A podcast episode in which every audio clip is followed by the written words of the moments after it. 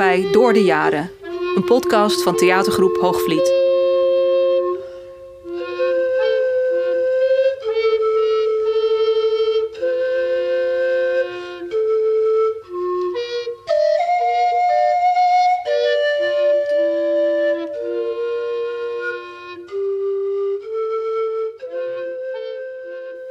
Waarom is het leven toch zo ingewikkeld? Denk je net dat je alles een beetje op de rails hebt?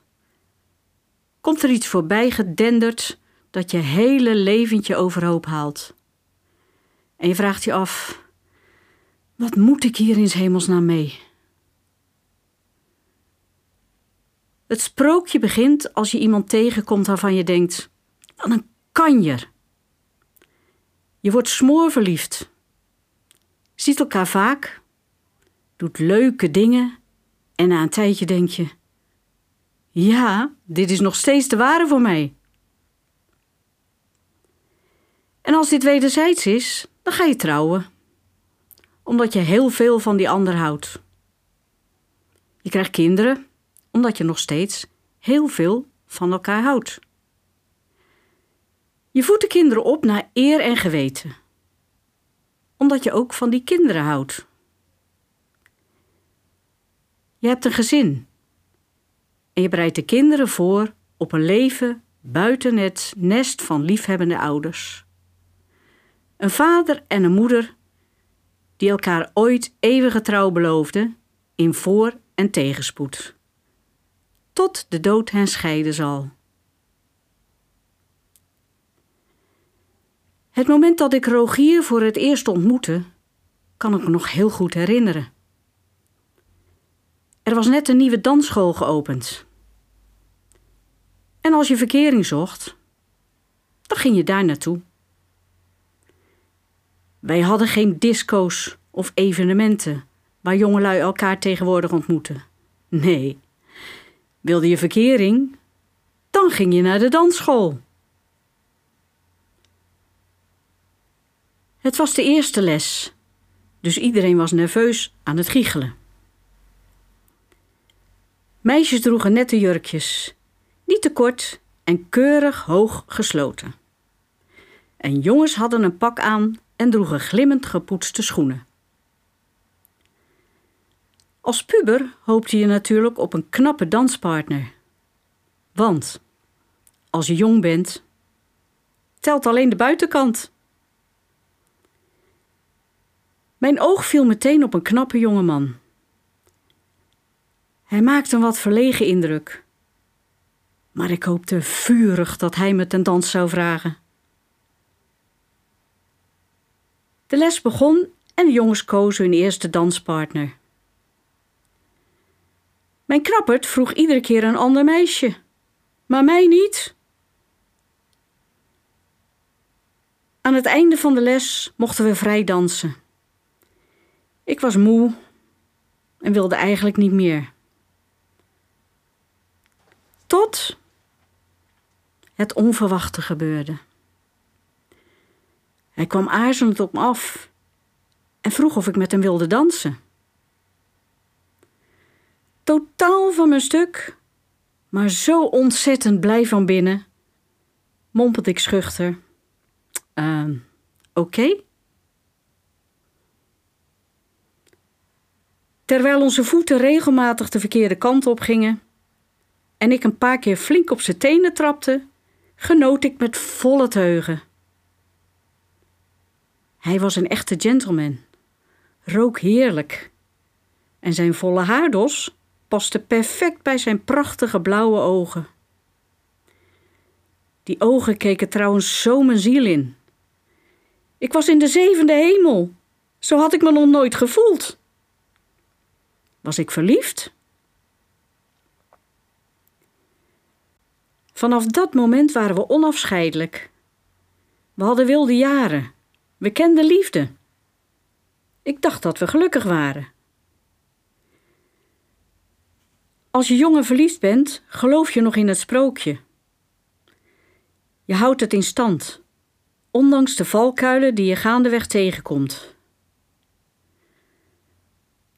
Totdat er iets gebeurt wat echt helemaal niet in het sprookje past. Iets dat zo'n impact heeft dat je de hele wereld even voor een doedelzak aanziet. En je hebt geen idee wat je moet doen. Mijn leven werd een doedelzak toen de man van mijn dromen me probeerde duidelijk te maken dat, dat hij al heel lang weet dat hij op mannen valt. Tot nu toe durfde hij niet vooruit te komen, omdat hij bang was om mij te verliezen. Wat mij nou zo bezighoudt is, waarom heb ik hier niks van meegekregen? Was ik blind en doof? Te druk met de kinderen en pa en ma? Of moet ik nu tegenover mezelf eindelijk eens eerlijk zijn? Moet ik bekennen dat de twijfel al heel lang in mijn binnenste huisde en dat die door mij begraven is? Zo diep dat ik hoopte dat die nooit meer boven zou komen. En waarom komt hij er nu pas mee? Heeft hij al die tijd toneel gespeeld omdat hij mij geen pijn wilde doen? Of was hij bang voor de reacties van anderen? Houdt hij eigenlijk nog wel van me? Allemaal vragen waar ik mee worstel. Maar de belangrijkste vraag is: hoe gaan we nu verder? Het gaat hier natuurlijk niet alleen om wat ik wil, maar ook hoe Rogier onze toekomst ziet. Gaat hij bij me weg? En zo niet, wil ik nog wel dat hij blijft. Hij zegt dat hij van me houdt en zich geen leven zonder mij kan voorstellen. Maar het bed met me delen wil hij eigenlijk niet meer. Dat was al een tijdje gaande.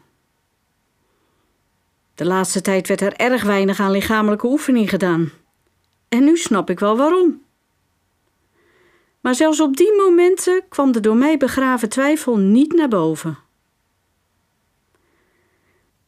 Naïef van mij? Misschien wel. Maar kom, als je zo lang samen lief en leed hebt gedeeld, is dit toch wel het laatste wat je verwacht?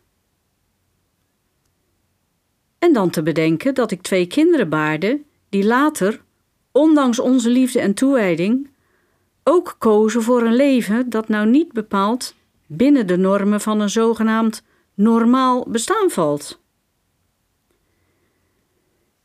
Sinds kort vraag ik me wel af wat er verstaan wordt onder een normaal bestaan.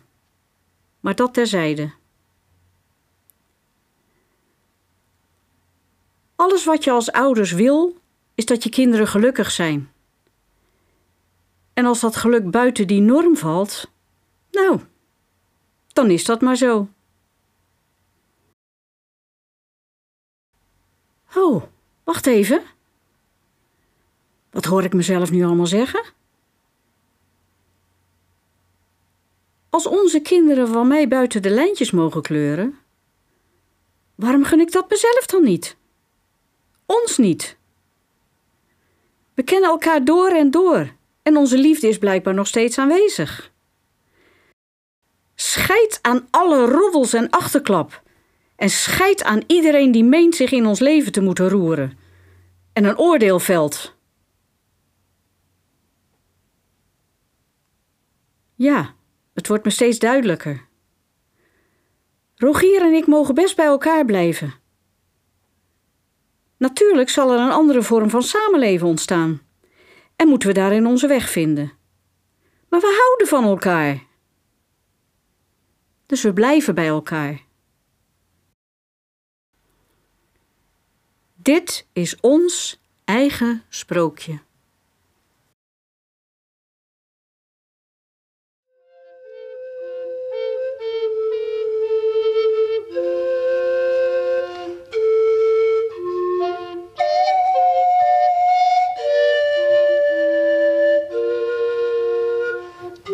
Geluisterd naar Millie Baroni. Deze podcast is een productie van Schaap op de Noordpool. Mede mogelijk gemaakt door Cultuur Concreet en Dok Hoogvliet